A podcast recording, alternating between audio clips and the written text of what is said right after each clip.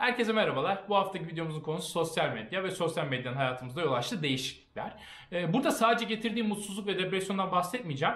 Bilimsel çalışmalar nesil için bazı iyi yönleri olduğunu da gösteriyor sosyal medyanın. Birazcık onlara da değineceğim.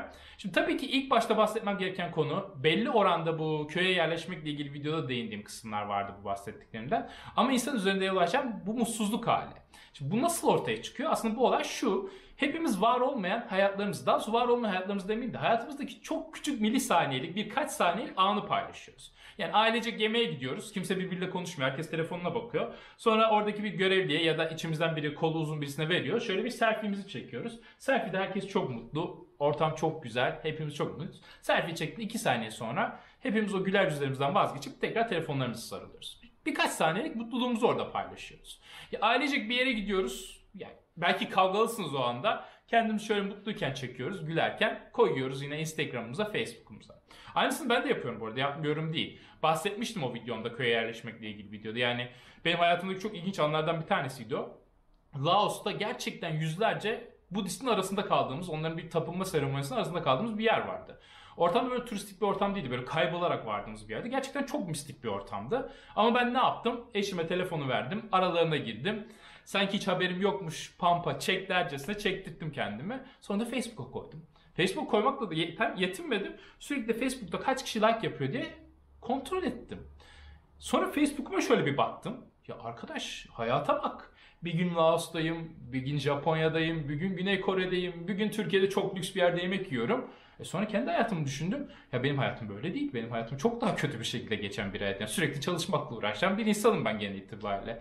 Eşime doğru düzgün vakit ayıramıyorum. Eşim sürekli dert yanıyor. Ya birazcık az çalış da gel bir şeyler yapalım diyor. Ama Facebook'a bir bakıyorum. Abi inanılmaz güzel bir hayat. E şimdi bu gerçek değil. Gerçekten de bir de hiç alakası yok. Hani birazcık gerçeklik payı olsa yine eyvallah diyeceğim de. E, çoğumuzun hayatı bu şekilde. Şimdi burada şöyle bir sıkıntı var. Hadi tam bu gerçek değil öyle koyuyoruz da aynı zamanda bir maruz kalıyoruz. Şimdi bilimsel çalışmalar şunu çok net bir şekilde ortaya koyuyor. Bu maruz kalma süreci hepimizde olumsuz sonuçlara yol açıyor. Yani mutlu olmuyoruz. Çünkü sürekli orada bir mutluluk hali ve sürekli mutlu olma zorunluluğu varmış gibi bir düşünce içerisine giriyoruz.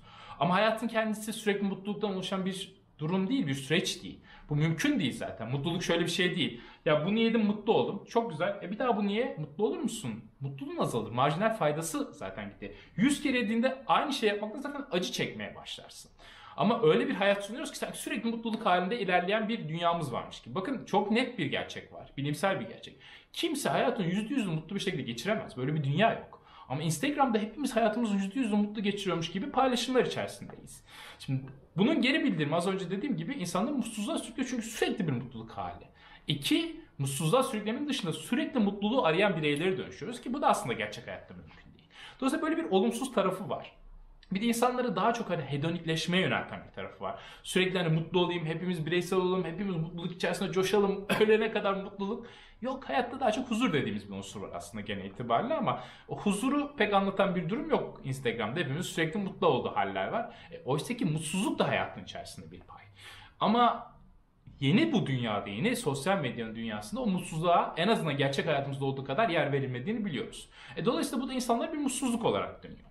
İşin ilginç yanı ya bu hani sosyal medyanın insanı mutsuz etme hali şöyle bir şeye de yol açıyor. Yani bir mutsuz oluyorum. Ya bakarken çoğumuz mutsuz oluyoruz şimdi birbirimize yemeyelim. Bilimsel gerçek bu yani. Ben mutlu oluyorum arkadaşlarım gezmesiyle coşmasıyla demeyelim. Kimimiz hangimiz 300 tane arkadaş var hayatta görüştü değil mi? Hadi iki tanesi geçme, gezmesiyle mutlu olalım da geri kalan 298'in gezmesiyle mutlu olacak halimiz yok. Ya da sürekli inanılmaz paralar harcamasıyla inanılmaz restoranlara gitmesiyle mutlu olacak halimiz yok. Gerçekçi olalım. Şimdi bunu görüyoruz. Mutsuz oluyoruz.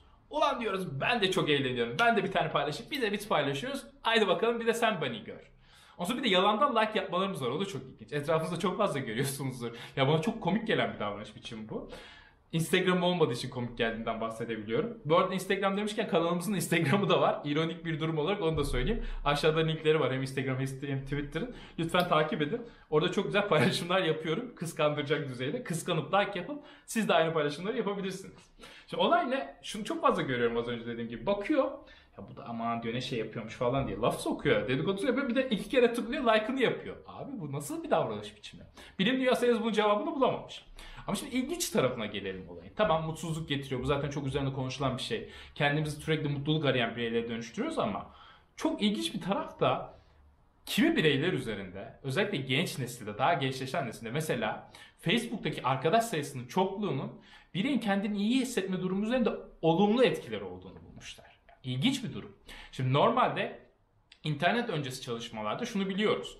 Bireyin ne kadar fazla sosyal bağ kurmuş olması, ne kadar fazla arkadaşı olması, ne kadar fazla sosyalleşiyor olması hem bireyin kendisini iyi hissetmesini sağlıyor hem de ömrünü uzatıyor. Aslında birey kendini iyi hissettiği için ömrü uzuyor. Yani bunlar arasında bir ilişki var. Tabi henüz Facebook'un uzun süreli bir varoluşu olmadığı için yeni nesil için özellikle bahsediyorum. Bu kendini iyi hissetmenin ömür uzatmayla ilgili bir çalışması yok ama büyük ihtimalle ömrü de uzatacaktır. Ama ilginç bir durum. Hani hepimiz mutsuzluk getireceğini bekliyoruz ama Facebook'taki arkadaş sayısının fazlalığının biz bireylerin kendilerini iyi hissetmesi üzerinde etkisi olduğunu biliyoruz. Yine benzer bir şekilde Facebook'taki bireylerin aldığı hani resimlerini aldığı ya da Instagram'da bizim aldığımız bu hani beğenme katsayılarının da dopamin hormonu salgılattırarak bize mutluluk hissiyatı yarattığını biliyoruz. Tabi burada şimdi bir parantez açmam gerekiyor. Bu mutluluk hissiyatı her ne kadar kısa süreli olarak iyi olsa da bunun bir sonucu da şu oluyor. İlk başta 50 like hani o hormonu salgılamaya yeterken bir sonraki aşamada 60 like. Bir sonrakinde 100 like, bir sonrakinde 200 like bunu sağlamanızı sağlıyor.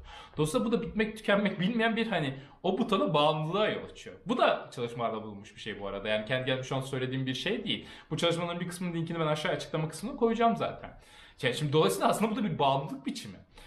Hani bu hani birçok YouTube kanalında ya da birçok Instagram paylaşımında hani normal başlayıp sonra saçmalamaya giden bir paylaşım süreci görürsünüz. Bunun nedeni de aslında bu. Başta 50 beğenme hoşumuza giderken belli bir süre yeterli olmuyor. Ulan diyor slime yapalım.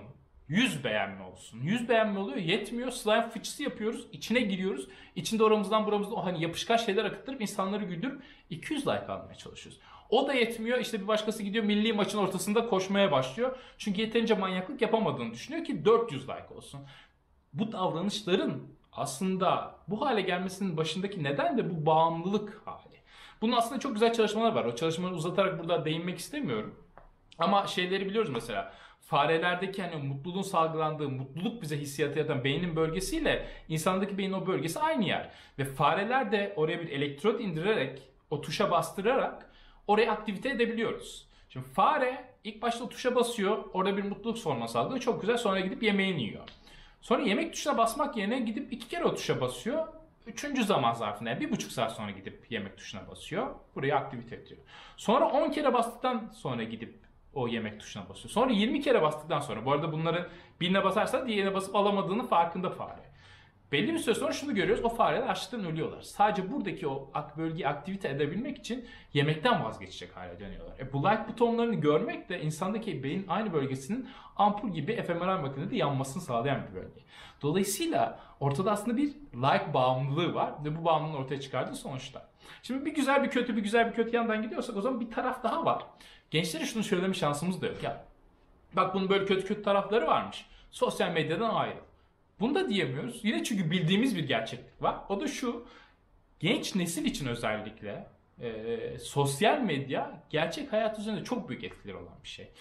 Burada bahsettiğim şey şu değil yani artık devrimler Twitter'dan yapılıyor, Instagram'dan büyük satışlar yapıyor falan filan ya da hepimiz Trump'ın tweette ne yazacağını bakıp doların yükselip yükselmeyeceğini tahminleyebiliyoruz değil. Burada bahsettiğim şey şu. Yeni yapılan çalışmanın ortaya koyduğu şey şu.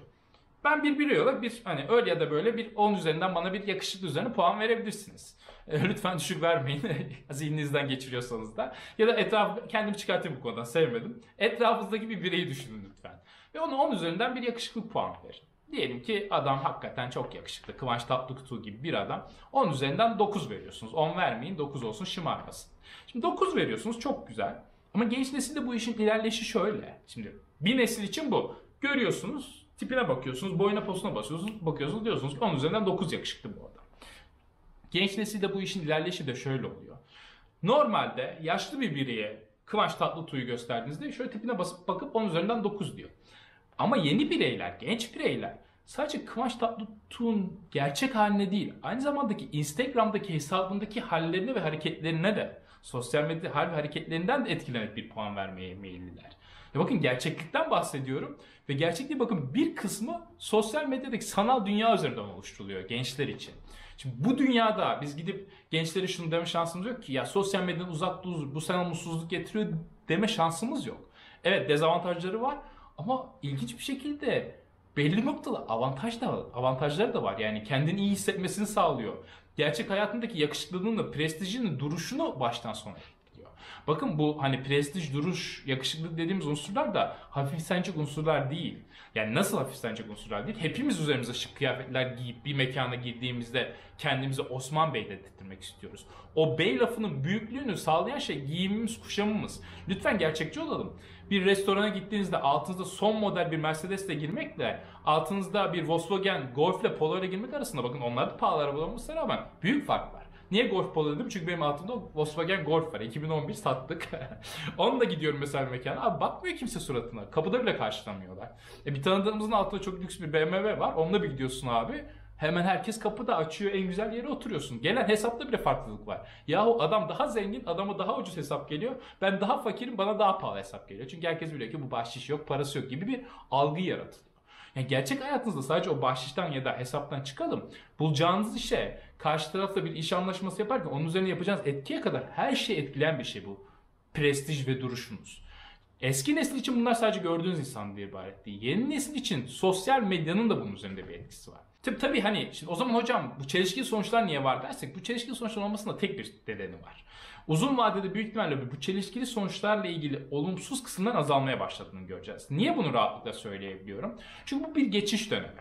İnsanoğlu için geçiş dönemleri her zaman şöyle gerçekleşmiş durumda. İnsanoğlu zeki bir varlık biliyorsunuz. Teknoloji üretebiliyor. Yani ilk önce bir teknoloji üretiyor. Sonra bu teknoloji çevreyi etkiliyor. Sonra çevre tekrar gelip insanı etkilemeye başlıyor. İşte bu geçiş dönemler her zaman buhranlı olmuş insanoğlu için. Tarih, insanoğlunun varoluş tarihine baktığınızda. Bir teknoloji yaratıyoruz. Diyelim ki ateş, diyelim ki buhar gücü, diyelim ki elektrik ve diyelim ki günümüzde internet. Bu bulduğumuz teknoloji ilk önce çevreyi etkiliyor. Tüm çevremizi, tüm algı biçimimizi, tüm yaşam biçimimizi etkiliyor. Sonra bunun üzerine tekrar gelip bizi etkiliyor. Beynimizin düşünme biçimini, algılama biçimimizi. Şimdi genç nesilden bir önceki nesilden bir sonraki nesildeki algı biçiminin değişimine bakabilir. Bakar mısınız? İşte bu tam olarak bu geçiş dönemi. Ve geçiş dönemi olduğu için aslında hani bilimsel araştırmalar da henüz ya bu işin çözümü bu. Sosyal medyanın bu getirdiği mutsuzluğun önüne geçmek için şunu yapmalıyız diyemeyiz. Yani şunu deme şansımız yok ki genç nesil için az önce dediğim gibi. Ya bu sana mutsuzluk getiriyor, sürekli bir mutluluk arayışı getiriyor. Sen bundan ayrıl diyemezsiniz. Çünkü gerçekten sanal dünya dediğiniz şey yeni nesil için gerçek hayatın büyük bir kısmını oluşturuyor. O büyük kısmı oluşturan bir şey şey demek gibi yani. Sen gerçek hayatında eski nesil için gidip işte sinemaya gitme, kahveye gitme, kantinde oturma demek gibi bir şey. Mantıksız bir argüman aslında. İşte genç nesil için de bunları söylemek mantıksız. Şimdi bunun bir çözümü var mı? Ya henüz bir çözüm, net olarak çözümümüz şu diyebileceğimiz bir yol yok. Belki en makulü şimdi kulağımıza şey gibi gelse de sosyal medyanı kapat ve bu işlerden kurtul gibi gelse de e, dediğim gibi bu işleri söylemek de o kadar yeni nesil için kolay bir durum değil. Buna bir çözüm bulunacak ilerleyen zamanlarda. Belki şu an için en makul olanı şunu sürekli kendimize hatırlatmak. Beynimize, zihnimize. Ya evet şu hani şu hareketimiz var ya Instagram'da bakarken. Şu kaydırma hareketi. O kaydırma hareketi yaparken sürekli şunu dememiz gerekiyor. Ya bunlar gerçek hayat değil. Ya bunlar gerçek hayat değil. Ya bunlar gerçek hayat değil diyerek bakmak gerekiyor. E bu da artık o Instagram'da ne kadar zevk alırsınız, almazsınız, ne kadar etkiler bilmiyorum. İki, o like'lar geldikçe hani kendinizde o dopamin salgılaması, beyninizin mutlu olma halini de bir şekilde şunu düşünerek yapmanız gerekiyor. O her 100 like'ın rahat bir 50'si 60'ı size like yapmak için like yapmıyor. Yani yaparken gerçekten o resmi beğendiği için yapmıyor. Ya siz de onun resimlerini like yaptığınız için o da sizinkini yapmak zorunda hissediyor. Ya da sizi sevmiyor ama gerçek hayattan sevmez ama yüzünüze güler ya. Onun üzerine like yapıyor. Ve yine araştırmalar bu konuda çok ilginç. Hakikaten bu 100 like'ın büyük bir çoğunluğu bu şekilde gerçekleşiyor. Yani çok az bir insan ya ben bunu çok sevdim. Aa, ne kadar da güzel resim paylaşmış diyerek o resimleri like butonuna basmıyor. Hepimiz bunu bilmemize rağmen bu gerçeği yine de aynı yalan hayatı sürdürüyoruz.